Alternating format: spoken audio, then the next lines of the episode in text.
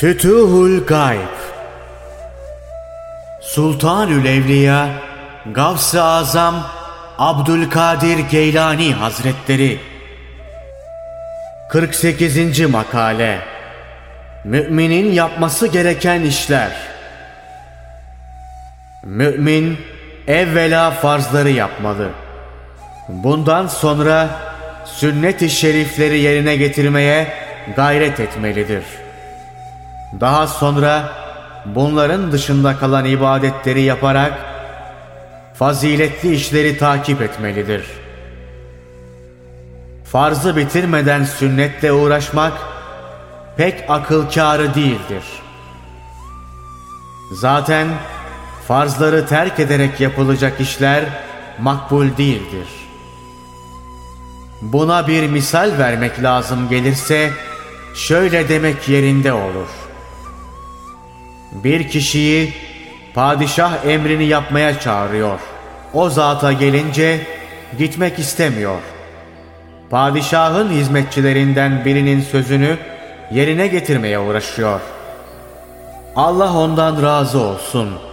Hazreti Ali bir hadis-i şerifi şöyle rivayet eder. Farzı bırakıp nafile ibadetle uğraşan doğuracağı zamana yakın çocuğunu düşüren kadına benzer. Yapılan ibadetin yerine gelmesi için ilk önce farzları yerine getirmelidir. Aksi halde yapılan ibadetlerin kabulü güç olur. Buna ikinci bir misal olarak sermayesini bilmeden ticaret yürüten taciri göstermek yerinde sayılır. Bir tacir evvela sermayeyi bilmeli ve onu kurtarma yolunu bulmalıdır. Keza bir müminin de ilk başta farzı bilmesi gerekir. Şunu da burada belirtmek yerinde olur. Bir kimsenin sünneti yapmadan bazı evliyanın keşif yoluyla naklettikleri ibadeti yapmaya çalışması yerinde görülmez.